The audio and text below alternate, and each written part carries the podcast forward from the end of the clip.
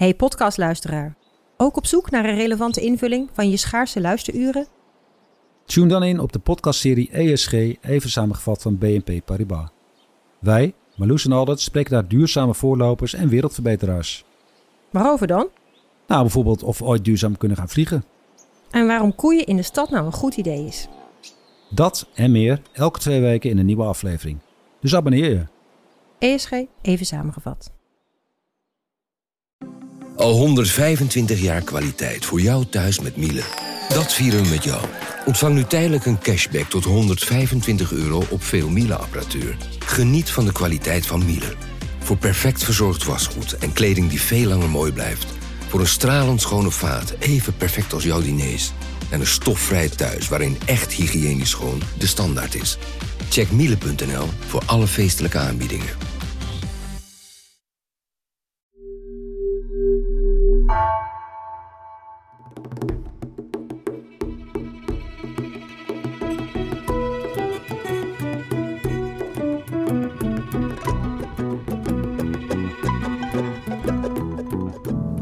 Ik voel het aan mijn extra oog.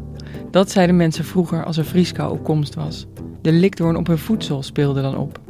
En mensen met migraine of reuma die ervaren iets soortgelijks. Naderend onweer, fel zonlicht, storm, hitte, kou, regen. Allerlei weersomstandigheden kunnen volgens hen pijnlijke aanvallen uitlokken. Artsen horen het ook veel in hun spreekkamers. Maar wat zegt de wetenschap erover? Kan ons lijf echt het weer voorspellen?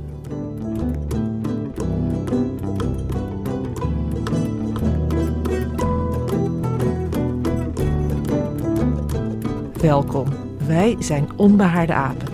Dit is een zomerserie van NRC over het weer. Mijn naam is Gemma Venhuizen en vandaag zit ik in de studio met Niki Korteweg. Nou, Niki, welkom. Hoi. Ik eh, ben heel erg blij dat jij hier nu zit, want ik zit normaal elke ochtend als ik wakker word, kijk ik heel stom nog voordat ik de gordijnen gewoon open doe, op mijn weer-app van mijn telefoon om te zien wat voor weer het vandaag Ja, ja, ja. wordt. Dat doe ik ook. Het is gewoon ook een beetje luiheid, want ik zou natuurlijk moeten opstaan.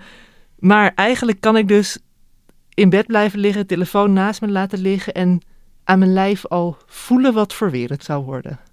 Ja, nou ja, dat, dat was dus een vraag die bij me opkwam. Dat, ik vond dat heel intrigerend. Want dat mensen met likdoorns dat zeggen te voelen, dat is bekend. En ik weet ook, mijn dochter heeft migraine gehad vroeger. En die kreeg altijd een aanval als er onweeropkomst was.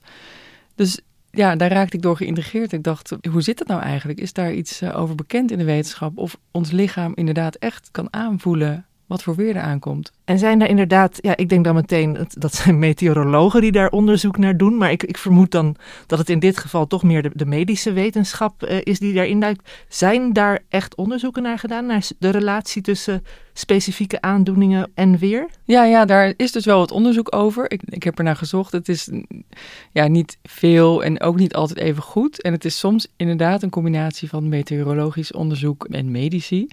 Maar er is, er is wel wat onderzoek gedaan en ja, vooral naar eh, pijnaandoeningen.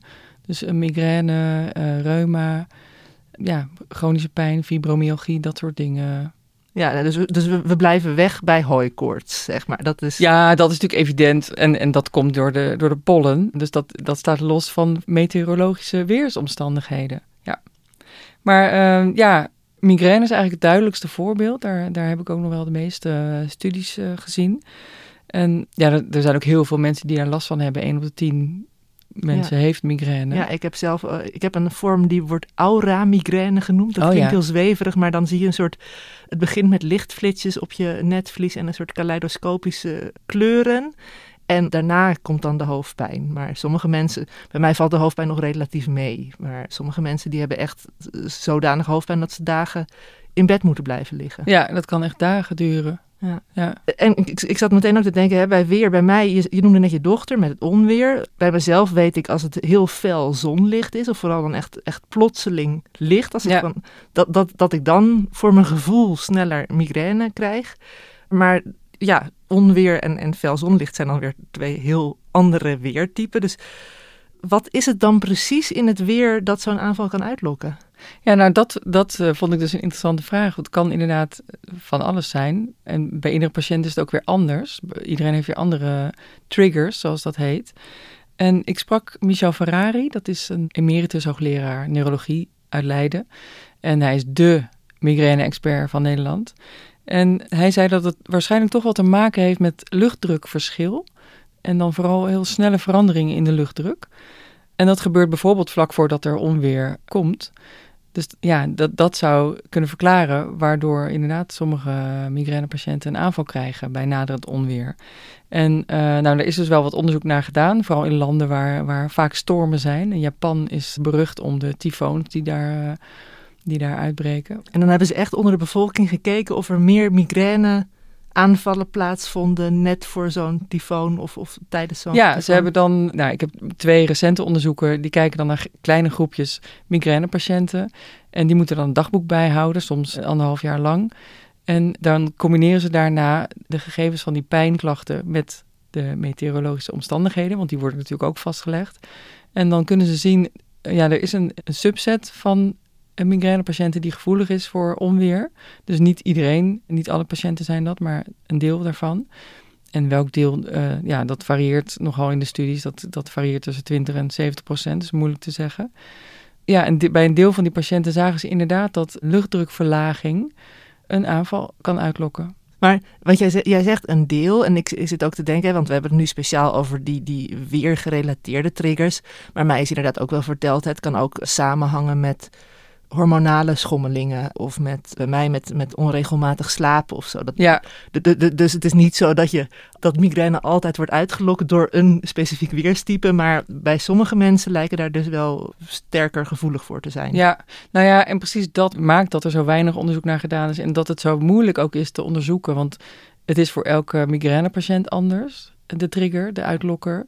En ook nog eens als je bijvoorbeeld gevoelig bent voor een dalende luchtdruk, dan is het ook niet zo dat het altijd een migraineaanval ontstaat als de luchtdruk daalt. Zo'n trigger is nooit alleen en het hangt ook af van de andere omstandigheden in je lichaam, bijvoorbeeld hormonaal, bijvoorbeeld slaapgebrek of juist te veel slaap, of het daadwerkelijk gaat resulteren in een migraineaanval. En bij luchtdruk, hè, het, ik weet te weinig van luchtdruk om te weten van hè, wat, is, wat is precies een, een, waarde voor een hoge of een lage luchtdruk. Maar wat voor verschillen moet ik denken dan? Is dat... Ja, het, ging dus inderdaad echt om de verschillen. Niet, niet per se ja, de, de basisluchtdruk van die dag, maar echt om veranderingen. En in de Japanse studies zag je dat echt tussen de, de 5 en de 10 hectopascal, waarin de luchtdruk wordt uitgedrukt, bij zo'n kleine daling was er al een duidelijk uitlokkend effect te meten. En uh, ja, de luchtdruk langs het aardoppervlak, dat varieert. Daar zit zeg maar 120 hectopascal verschil tussen de hoogste en de laagste. Ja, dus dan is dus 5 het... tot 10 niet gigantisch groot. Zeg nee, maar. het is niet een, een heel schrikbarende daling of stijging. En, een beetje een stomme vraag misschien, maar wat in je lichaam, ik, ik denk dan, ja, je hoofd reageert erop, want je hebt de hoofdpijn, maar wat is het precies dat reageert op die snelle luchtdrukdaling? Nou ja, daar was ik dus ook heel nieuwsgierig naar, maar daar heb ik echt heel weinig over kunnen vinden. Want het, ja, het is zelfs nog niet bekend hoe migraine ontstaat. Gewoon de, de basis van de migraine is ook echt nog niet helemaal uh, duidelijk. Maar er zijn natuurlijk wel ideeën over hoe zoiets zou kunnen ontstaan. En ik kreeg uh, Michel Ferrari wel zover dat hij daarover wilde speculeren. En hij vermoedt dat het te maken heeft met drukgevoelige ionkanalen. Wat en, zijn dat? Ja, nou ionkanalen dat zijn hele kleine gaatjes in de wanden van zenuwcellen. En door die gaatjes kunnen ionen heen en weer. En dat zijn geladen deeltjes. Natriumionen, kaliumionen, calciumionen. En uh, ja, die gaan open na een bepaalde trigger. En dat kan hitte of kou zijn. Maar er zijn dus ook kanalen die open of dicht gaan door drukverschillen. En ja, hij vermoedt dus dat dat, dat daar mee te maken zou kunnen hebben. En jij zegt net al, hè, er is eigenlijk sowieso nog best wel weinig bekend over uh, het ontstaan van migraine. Maar weten ze al wel of die, wat was het, de drukgevoelige ionkanalen, of die sowieso betrokken zijn bij migraine? Nou, nee, dat is nog niet bekend. Maar er is wel een aantal ionkanalen bekend ja, die in verband gebracht worden met migraine.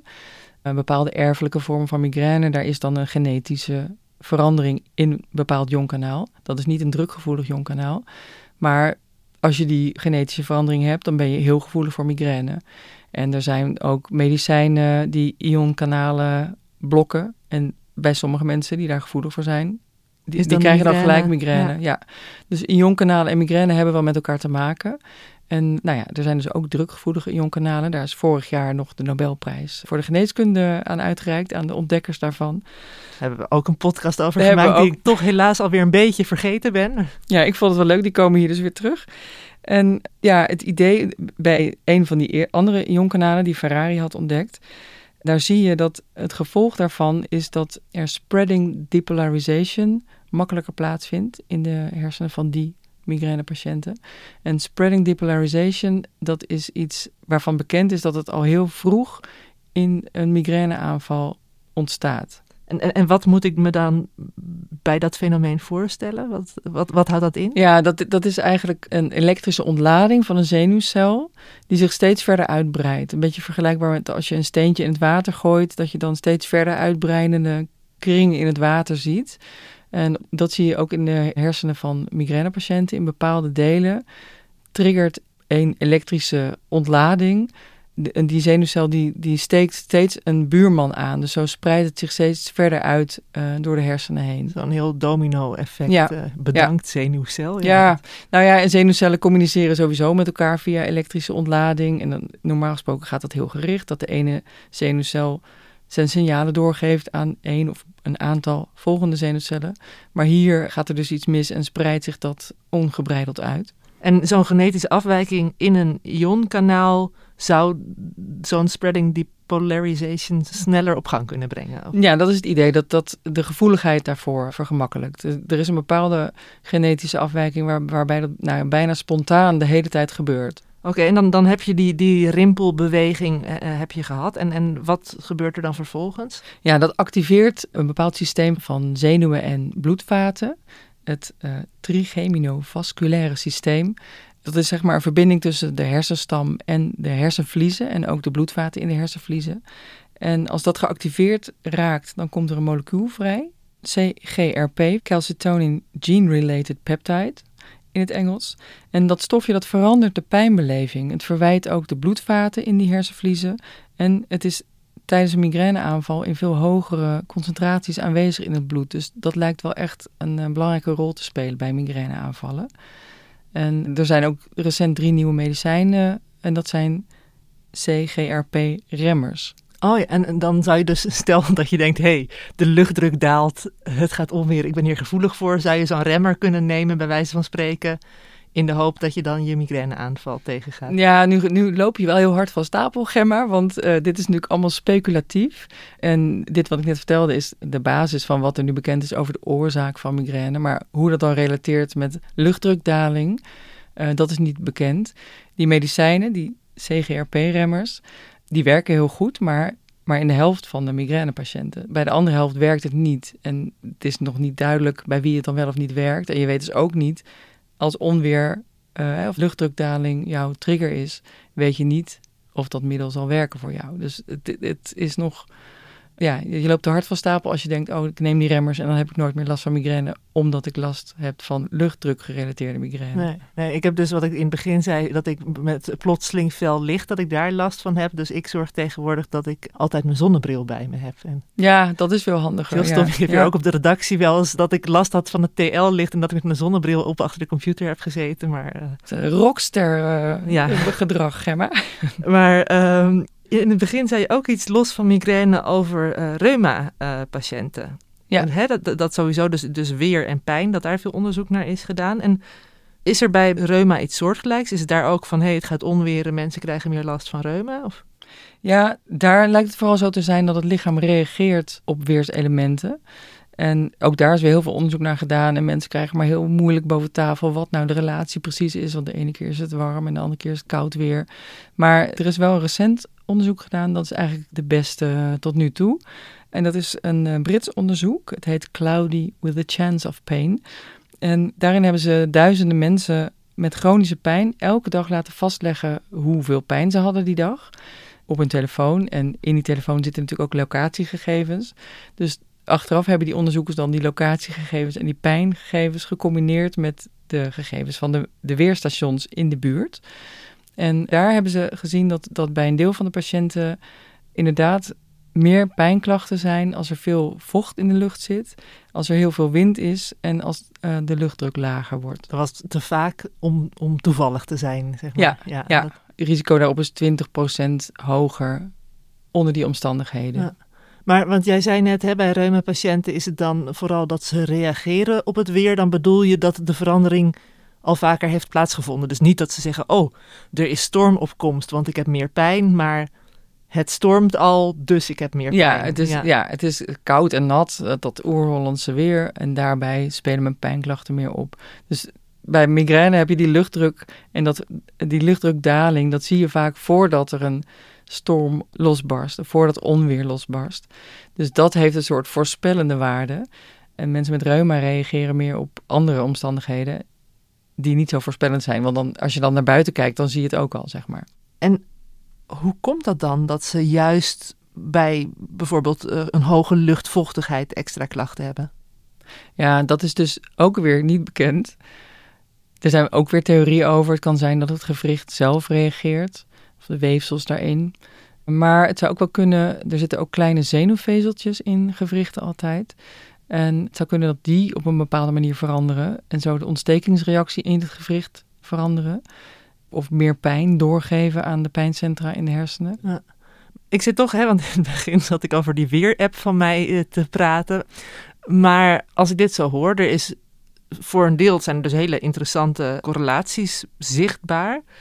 Maar toch vraag ik me af van, wat hebben we nou aan dit onderzoek? Hè? Want stel, mijn migraine is inderdaad weer gerelateerd wat heb ik er dan aan om te weten van, oh, morgen ga ik waarschijnlijk heel veel hoofdpijn hebben, want het gaat onweren. ja, ze zeggen altijd, er bestaat geen slecht weer, alleen slechte kleding. Maar als je een migrainepatiënt bent, dan heb je dat dus wel daar last van. Maar je kunt niet zeggen, nou, dan verhuis ik even snel naar een ander land waar het minder vaak onweert. Nee, nee. Nou ja, voor patiënten zijn deze inzichten niet heel behulpzaam, behalve de erkenning Dat, je, dat je weet waar het door komt. Dat is mijn ervaring ook wel dat je als, als je migraine hebt, dat je toch de hele tijd denkt van nou, waar komt het dan door? Wat heb ik gisteren gedaan? Ja, je, je kan natuurlijk je voorzorgsmaatregelen nemen en, en misschien niet iets heel spannends gaan doen als je weet dat er misschien een migraineaanval aankomt. Dus jezelf niet in een, in een situatie brengen waarin het heel onhandig is als je uitgeschakeld raakt door migraine. Ja, dus voor het voorkomen van pijn uh, heb je niet zo heel veel aan deze inzichten. Maar um, er zijn tegenwoordig wel speciale weerberichten voor mensen met migraine en ook voor mensen met reuma, waarin je kunt zien of er weer aankomt waarbij je mogelijk meer klachten krijgt. Dus ja, dat zou wel kunnen helpen. Misschien om, om je voorzorgsmaatregelen te nemen. Om je misschien wat warmer aan te kleden als je reuma hebt. Of, uh... Dat ze dan echt speciaal zeggen van... oh, uh, er is een veranderende luchtdrukopkomst, ja, dus pas op. Ja, de, die, ja. die migraine weer-app die, die baseert zich op luchtdrukveranderingen. En uh, de reuma-app vooral op luchtvochtigheid. En die nieuwe medicijnen waar ik het over had, dat zijn preventieve medicijnen. Dus die moet je vooraf nemen. Neem je gewoon elke dag of je krijgt injecties. En dat zou kunnen zijn dat die zo'n aanval dan voorkomen. Maar goed, dat is nog niet bekend. En uh, ze zijn dus wel op de markt sinds vorig jaar. Maar alleen voor mensen met echt ernstige migraine, die heel vaak migraineaanvallen krijgen. Ja, mijn migraine light uh, valt daar niet onder. Nee. Ik vrees van niet, nee. Ja, en mensen met reuma als het echt heel erg wordt, verhuizen ze soms gewoon naar een, eh, naar een warmer land. Ja, dus waar, waar je echt warmer, droger is. Ja, waar je minder last van hebt. Hey, ik ben ook nog benieuwd. In het begin had je het even over die eeltknobbels, die likdoorns. Hè? En dat mensen vroeger zeiden: Ik voel het aan mijn eksteroog. Kun je daaraan inderdaad voelen wat voor weer er op komst is? Ja, nou, daar heb ik dus echt geen enkel wetenschappelijk bewijs voor gevonden. Uh, de spoeling was al dun voor die andere aandoeningen, maar voor likdoorns is er echt helemaal niets bekend. Maar ik vond het wel intrigerend. Er is wel een groep patiënten die, die meer last van likdoorns heeft dan gemiddeld. En dat zijn reuma-patiënten. Dus Zit ja, misschien toch een kern van waarheid. Ja, precies. Ja. ja. Nou, ik heb me in ieder geval voorgenomen om iets minder vaak alleen maar op mijn weer-app te vertrouwen en wat meer naar mijn lijf te luisteren en gewoon s ochtends vroeg de gordijnen open te doen om te kijken wat voor weer het is. Dankjewel Niki Korteweg dat je hier in de studio aanschoof. Julia Vier, dankjewel voor de productie. En bedankt ook weer aan Jeroen Jaspers en Bas van Win voor alweer de laatste keer deze speciale zomertune. Want volgende week zijn we er alweer met een gloednieuwe eerste aflevering van het nieuwe seizoen van Onbehaarde Avond. Tot dan.